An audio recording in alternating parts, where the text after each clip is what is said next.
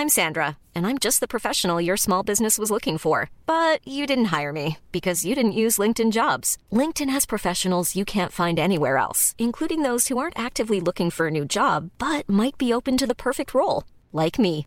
In a given month, over 70% of LinkedIn users don't visit other leading job sites. So if you're not looking on LinkedIn, you'll miss out on great candidates like Sandra. Start hiring professionals like a professional. Post your free job on linkedin.com/people today. It's that time of the year. Your vacation is coming up. You can already hear the beach waves, feel the warm breeze, relax, and think about work. You really, really want it all to work out while you're away. Monday.com gives you and the team that peace of mind. When all work is on one platform and everyone's in sync, things just flow wherever you are. Tap the banner to go to Monday.com.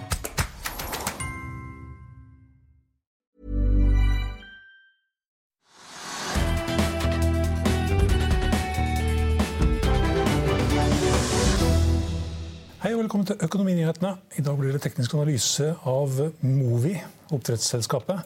Men eh, vi begynner på Oslo Børs, Trygve. Og det har skjedd litt grann i dag i hvert fall. Ja, det har skjedd ganske mye. Altså, Hovedindeksen er bare opp en halv prosent. da. Men det har skjedd ganske mye. For det første så traff oljeprisen først igjen. Mm.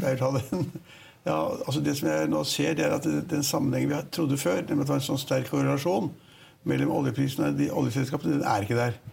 Fordi at I går kveld så ramlet oljeprisene enda lenger ned. og eh, 2-3 bare i løpet av gårsdagen. Og Brenten har vært under 70 dollar på fat. Likevel så er da oljeaksjene, Equinor og Aker BP opp. Litt, ikke mye, men litt. Grann. Før så, så vi alltid trodde at vi så da, at kom det liksom et fall i oljeprisen, så falt oljeaksjene. Og det motsatte steg da oljeprisen, så steg oljeaksjene. Det har vi ikke så klart, er det ikke. Iallfall ikke på dette nivået. da. Det kan være andre årsaker til det. Så at, eh, det er noen små endringer i disse oljeaksjene, men øh, kan, man- vi kan ikke si at det skyldes det at oljeprisen falt. Det blir galt. Så Oljeprisen er på vei ned, det snakket vi om i går, og det ser ut som det er et tilbudsoverheng fortsatt, slik at vi kan risikere at oljeprisen faktisk faller lenger ned enn den er nå. Og i USA så produserer de mer olje enn noen gang. Ja, 12 millioner fat eller sånn, og i døgnet mer enn det også. Og Kanskje, kanskje det er amerikanerne som rett og slett vinner hele denne olje, Ja, det ikke, oljespillet? Ja, det er mulig. Og, og lagrene øker. så liksom det er tilbudsoverheng. Det er helt åpenbart. Og den eneste måten da å sikre at oljeprisen fortsetter å stige på, det er hvis OPEC og Russland da, og andre land klarer å ta kunstig ned produksjonen. Men øh, om de tar den kunstig ned, så bare øker produksjonen i USA. Så det hjelper ikke. Så tjener da USA mer penger. Og Russland tjener altså mer penger hvis de produserer mer. Så. og amerikanerne de tar markedsandeler nå, Ja. sannsynligvis. Så, det, ja, så jeg, jeg tror iallfall ikke på en kortsiktig sterk oppgang i oljeprisen. Det kan falle ytterligere. Men så, øh, så Equinor, mens vi er inne på olje med samme, kanskje? Hva? Resultatet? Equinor, ja. ja, ja, de kom med tall også, og de, de var jo ikke noe gode. Men det var ikke ventet at, at de skulle være gode. Fordi at oljeprisen og gassprisen er mye lavere enn det kvartalet de sammenligner med. slik at resultat, topplinjen var mye svakere, og resultatet var mye svakere. Så enkelt er det. Og det var Det var 15 milliarder på bunnlinja. Ja, men det var ventet, det var ventet akkurat. Ja. Men det var, det var mye høyere før, da oljeprisen og gassprisen var høyere. For da får det, er en gave fra markedet. Og så, ja, Hvis vi skal holde oss til olje og gass, holdt jeg på å si, og lete etter, så har jo da det som har skjedd innen seismikk og TGS Nopec, et seismikkselskap, har kjøpt Spektrum, et annet seismikkselskap. Og Det siste oppkjøpsselskapet der er priset i underkant av 4 milliarder kroner.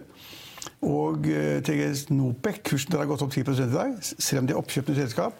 Og Spektrum har gått 20% ja. Så det er jo ganske spennende. for Normalt er det slik at de som blir kjøpt opp, får en premium for det, og så selger de til en høy kurs som de kan, og tjener masse penger på det. Og så er det ofte slik at folk blir misfornøyd med de som kjøper, fordi de bruker for mye penger på den type ting. Men her er markedet åpen- åpenbart overbevist om at det er lurt av TGS Nopec å kjøpe da Spektrum. Mm. Nå blir de en virkelig stor spiller, og Spektrum har jeg tror det er kanskje verdens største 2D-bibliotek. bibliotek av den type ting som de kan selge uten at de må lete enda mer. Da.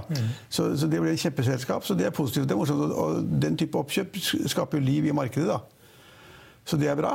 Eh, Og så har regnskapene kommet for DNB. DNB. Det, er også, Det var, det var bra. det var veldig bra. Altså Overskuddet eh, steg bare ta det grove tall da, fra 5,5 milliard til 7,5 milliard kroner i kvartalet. Hvis du har ganger liksom da 7 ganger 4, eller det liksom blir rundt 30 milliarder kroner i året i overskudd, det er et kjempetall. Og de gjør jo ikke feil. Altså han der Rune Bjerke, Bjerke og hans nestkommanderende, som kanskje skal bli sjef, de gjør jo ikke feil. Banken er så stor at de kan gjøre hva de vil og oppføre seg ordentlig og sånn. Har ikke tap, vet du. Norges største bank har jo ikke tap. De må tilbakeføre avsetninger. og Det er en god rentemargin. og de, altså de, Tilsynelatende gjør de alt riktig. Så Hvor de skal få smellen, vet jeg ikke nå, men, eh, men de som da driver med depotbehandling, altså liksom kontrollere sikkerheter og lån og sånn, de gjør åpenbart ikke så mye feil. Det eneste, og det var ikke feil engang, det var det eneste som da ikke var like bra som forventet, det var da DNB Market, som da har en av de beste driverne eller lederne i landet på området. Og de tjente visstnok bare 600 millioner eller sånn. Og da er Rune Bjerk- litt over en milliard i samme kvartal i fjor. ja, og Rune Bjerk har sagt at du skal levere en milliard i kvartalet, vet du, gutten min. Har han sagt for spøk. Han er en snill person, men han har sagt at, at liksom en milliard i kvartalet skal jeg ha. Men når det er sagt, du er 7,5 milliard i kvartalet, kjempemye penger. Og, det, og for en bank som man skulle tro kunne fluktuere litt, og så taper de masse på shipping, eller så taper de ikke på shipping, eller så taper de på industri, eller så gjør de riktig, eller så de, har de lånt penger til noen som skal fusjonere. Jeg, jeg finner ikke feil i det hele tatt. så Det er en kjempesuksess. Det er litt morsomt også at det ikke gjør noe poeng at det er all time high både på topplinja og på bunnlinja i Ja. et kvartal. Ja da. Og jeg så det, Nå har jeg ikke fulgt kursen, sånn, men det var, de har jo kommet med utbytte i dag. da. Så selv etter at Det gikk vel ekstra utbytte i går, tror jeg. Var det i går? Ja, ja, ja men ok, Jeg vet ikke om det var innbakt i kursen der, om det ble notert i dag. Men iallfall så er kursen sånn pluss-minus null. Etter at det har betalt av det utbyttet, husker ikke hva det var engang, men det var 8,25. ja, 8,25. Ok, så da kursen likevel helt flat. Så det om at markedet da på en måte premierer kursen og kjøper aksjene opp da, etter, etter utbyttebetaling. Så det er også spennende. så det kan si at det, det er ikke bare negative ting i Norge. og det, Vi ser også det at disse, alle disse småbankene som tjener masse penger. ikke sant? Er, de tjener, alle tjener penger. De småbankene, forbruksbankene tjener penger, og så tjener da Norges største finanskonsern også penger. Og vi har eh, nye, eller ikke nye egentlig, vi har egentlig de samme aksjene i all time high i dag som vi hadde i eh, går. Nell fortsetter opp. Nell, Opp, opp, opp, opp 2-3 i dag også. Ja, Ja, og det er, og det er, ja. Spektrum, selvfølgelig, da, som blir kjøpt opp. Det er all time high. Så har du Scottish Salmon, og så har du Endur, som vel er Bergen, tidligere gamle Bergen Group, tror jeg. På all time low så har vi også noen gjengangere. Hidden Solution, Solstad Offshore, Teen Film, Storm Real Estate, Next og Arcus. Det er det samme, ja. Så Scatec Solar var, var fortsatt litt opp, da. Ja, Den har også vært en gjenganger på all time high-lista, men den er ikke der i øyeblikket. i hvert fall. Nei, men, men, men, men du, kan, du sa, du sa eh, det altså, skjer det noe spennende? Ja, det skjer. Det er, altså, både med oljepris og oljeselskaper og bank. Det er en annen bank også som har lagt frem tall i dag. Bank Norwegian. Norwegian, Bank Norwegian har også lagt frem tall. De tjente også mer penger. De gjør noe riktig hele tiden. De tjente 70-80 millioner kroner mer nå enn de gjorde i fjor. Eh, 483 millioner, for å være helt eksakt. Ja, det var ikke 78 millioner mer enn i forrige kvartal. Ja. Ja, så de gjør også noe riktig hele tiden og har en flink sjef. og den Banken kontrolleres også da av Kjos-familien og liksom Norwegian. så det, det er i familien. De har jo ganske store planer av å lage noen selskaper i utlandet osv. Men, skal de kopiere utover hele Europa. ja, men men det, det, det som jeg syns går igjen, er at det ser ut som disse bankene, da, også, også den, denne banken, de gjør noe riktig. De driver veldig mye digitalt. eh, Lave kostnader, få ansatte. Høy rente. Høy rente, selvfølgelig. Ja, og, og, og, og, når de har lave lønnskostnader, høy rente, gode marginer, så, så blir det penger av det. Så i norsk økonomi, det, er, det, det som ikke går så bra, det er det. Alle de der litt utsatte selskapene innen øh, oljeservice altså, og rigg, som er utsatt, og som er helt avhengig av en høyere oljepris. Og en, høyere aktivitet i Nordsjøen, hvor de skal få ut riggere, få ut supply-skip og få ut ankerhåndteringsskip osv. Og, de, de, mange av de selskapene sliter og faller litt i kurs også. Ja, Solstad Offshore, all time low. Ja, og det er jo en katastrofe. Men, men det er, de, har, de har jo masse båter i opplag. Masse, Ja, 50 eller noe sånt, er? Ja, så liksom hvis de begynner å ta da, de ut av opplag, så går det liksom ratene ned, fordi de påvirker markedet. slik at det er altså, Oljeprisen er litt på vei ned. Eh, mange snakket jo plutselig om da, da Brenten var i 75 eller noe sånt, at da skulle den i 80-85. Det var ikke akkurat sånn. Og de selskapene som, som, sliter, som har masse gjeld og ikke klarer å betjene renter og avdrag osv., og som ikke vet hva de skal gjøre, de får en smell, og så faller kursen i 4-5-6-8% hver dag. En, et annet, eh, ikke selskap, men et fond som går veldig bra, er oljefondet.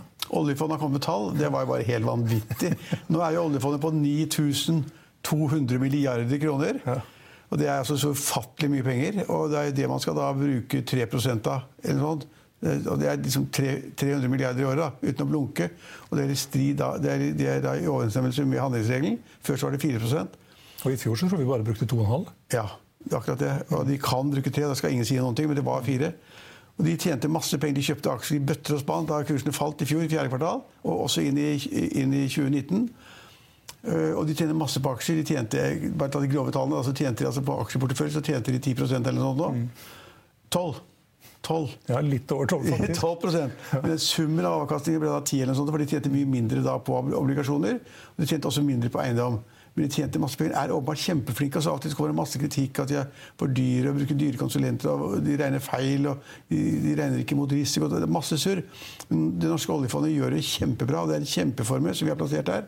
Og vi har masse penger. Og vi den der gamle feilen at folk tror at vi tømmer oljefondet. Hver gang man snakker om å bruke penger i oljefondet, så tror folk at vi åpner krana, så tømmer oljefondet fra da 9200 milliarder nå, som var Avkastningen var, var det 700 og et eller annet i, i, i kvartalet nå.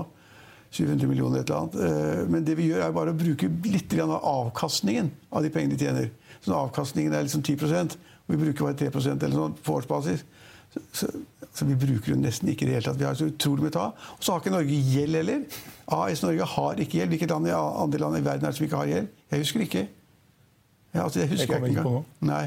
Så vi har ikke gjeld, og så har vi da et fond på 9200 milliarder kroner. Og det stiger hele tiden. Og det kunne vært mer hvis kronen hadde vært svakere, men kronen ble faktisk sterkere i kvartalet.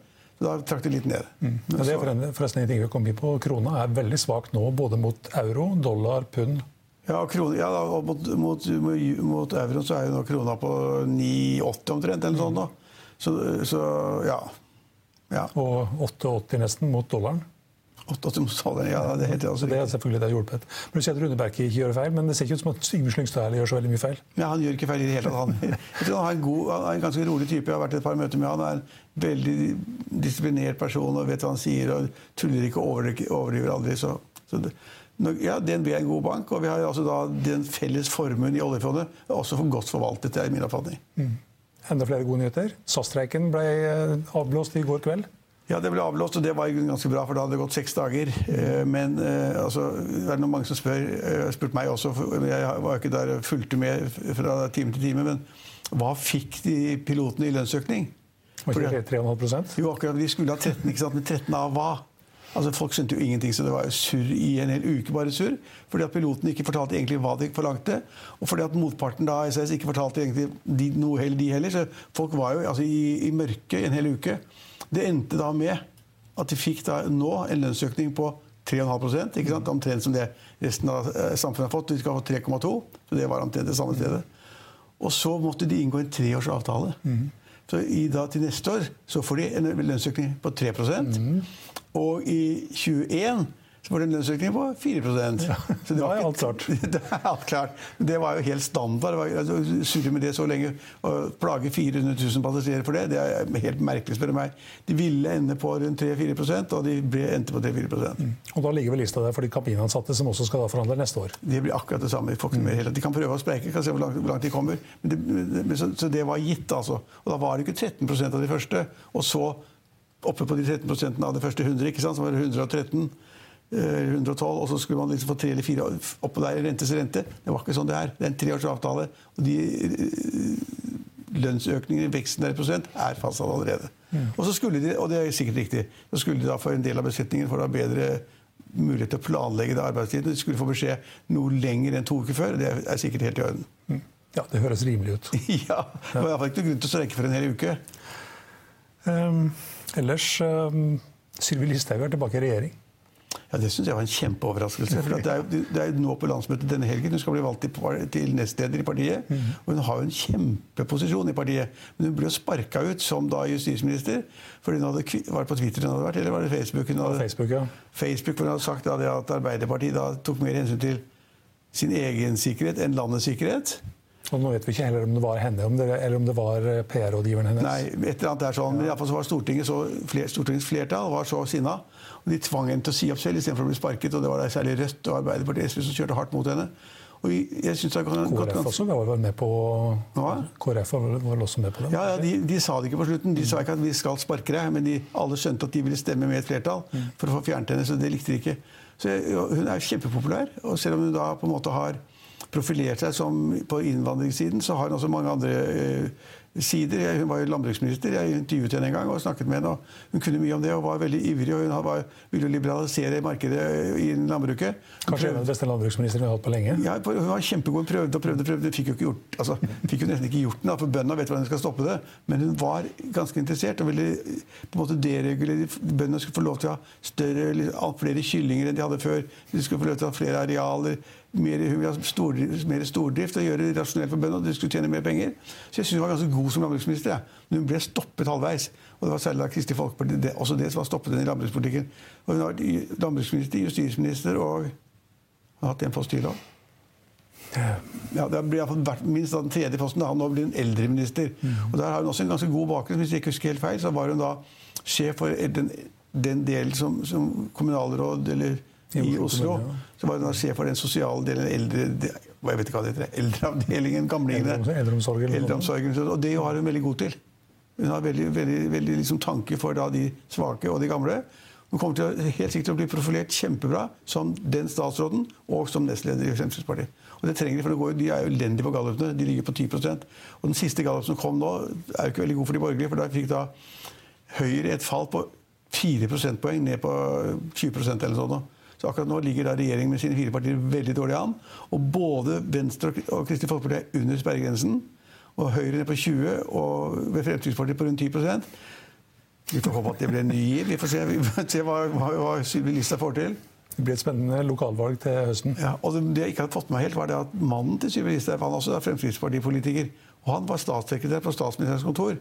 Så han måtte gå av nå, da, da hun ble statsråd. Så vi kunne ikke ha både en statsråd som også hadde da sin ektefelle på statsministerens kontor. Det skjer noe hele tiden. Ja, Du var inne på bøndene. Det er også litt interessant eh, nå i disse dager? Ja, altså der, nå skal jo altså Bøndene kommer først ut og krevde 1,9 milliarder kroner. Eh, som ventet i fjor krevde de 1,8. Så krevde de 1,9. Og så skal staten komme med sitt mottilbud. Det er liksom, Den måten de forhandler på, er bare så morsom. Og det vet du hva er? Nei, ja, men De kommer med sitt mottilbud, og jeg tipper at jeg vet hva det er. Så det blir 1,1 eller 1 milliard kroner. Og så sier bøndene det at de truer med å demonstrere foran Stortinget og helle ut melk og kappe maisen i to og, og poteten unna markedet. Og så Etter at staten har sagt det ikke sant? Dere krevde 1,9, men dere får 1 eller 1,1. Halvparten, da. i regjeringen gir alltid halvparten av det bøndene spør om. Mm. Så jeg bare, De burde bedt om fire, så hadde de fått mer. Men de ber om 1,9. 1,8 var det i fjor. Og så får de kanskje tipper jeg, tilbud på 1,1, og så ender det på 1,2. Da får bøndene 1,2. De, men det er spennende hvordan man fordeler de 1,2. For at Noe er det at bøndene skal ta inn i priser i markedet. Det er veldig vanskelig, for det er overproduksjon. Både av svin, melk og sau. Så da kan du ikke øke prisene, for da blir det enda mer overproduksjon. Og Derfor krever de denne gangen da mesteparten av oppgjøret krever de da i kontant overføring fra staten i form av subsidier til bøndene, uten å gå veien om de varene de selger. Mm. Det tror jeg ikke staten går helt med på. fordi at uh, Departementsråden som har uh, oppgjøret, han sa at det, kan, det, må jo ikke bli slik at liksom alle pengene bøndene får, får de direkte i, i, subsidier. De må få en del via markedet som, hvor de selger varene sine. Men det kommer jeg tror det er 6. mai. Da kommer tilbudet fra staten. Ja. Mm. Ja. Og innen den 13, nei, innen den 16. eller 15., så skal det være over alt sammen. Alt det der er klart for lenge siden. ja, da tror jeg faktisk vi har fått med oss eh, det meste som var interesse i dag. Vi kan ta med at de, eh, ja, vi var inne på de som var i all time low-aksjene. Spektrum opp på 18,7. TGS opp 8,3% og DNB er helt flatt. Ja, og Spektrum er opp 20% eller noe. Og Det er fordi at de skal få oppgjør i aksjer og kontanter. Det er sikkert enkelt regnestykke, tipper jeg. Og Oslo Børs opp 0,5 Ja. Ja, Det var en brukbar start på helga, det. Ja, bortsett fra at det sner her i Oslo. ja, det jeg, trodde, jeg trodde vi var ferdig med det. Jeg tror ikke det blir så mye at de kan eh, plukke hverandre i skiene. Det, det tror jeg ikke. Ja, eh, Brentoljen kan ta med oss den, er opp 0,06 til 71 dollar og 99 cent. Omsetningen på Oslo Børs den er eh, her Det var det samme tallet som i går, så det her, her kan ikke være riktig. Jeg tror det der eh, omsetningstallet er litt annerledes. Her står det 4,7 milliarder, men det er helt sikkert ikke. Vi skal komme tilbake til det.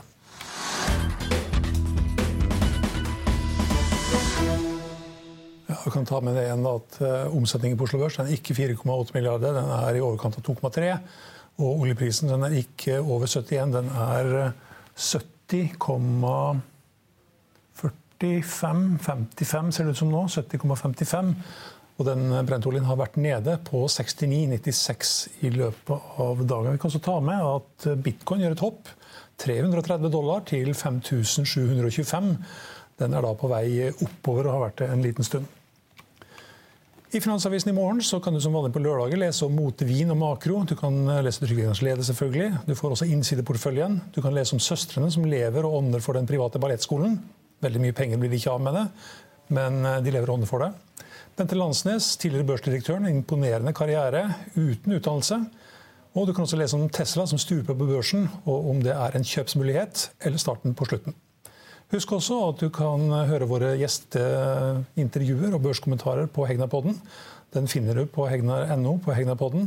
Du finner også på Soundcloud, iTunes og Spotify. Det var det vi hadde for i dag, men vi er tilbake igjen på mandag klokken 15.30. Følg med oss igjen da.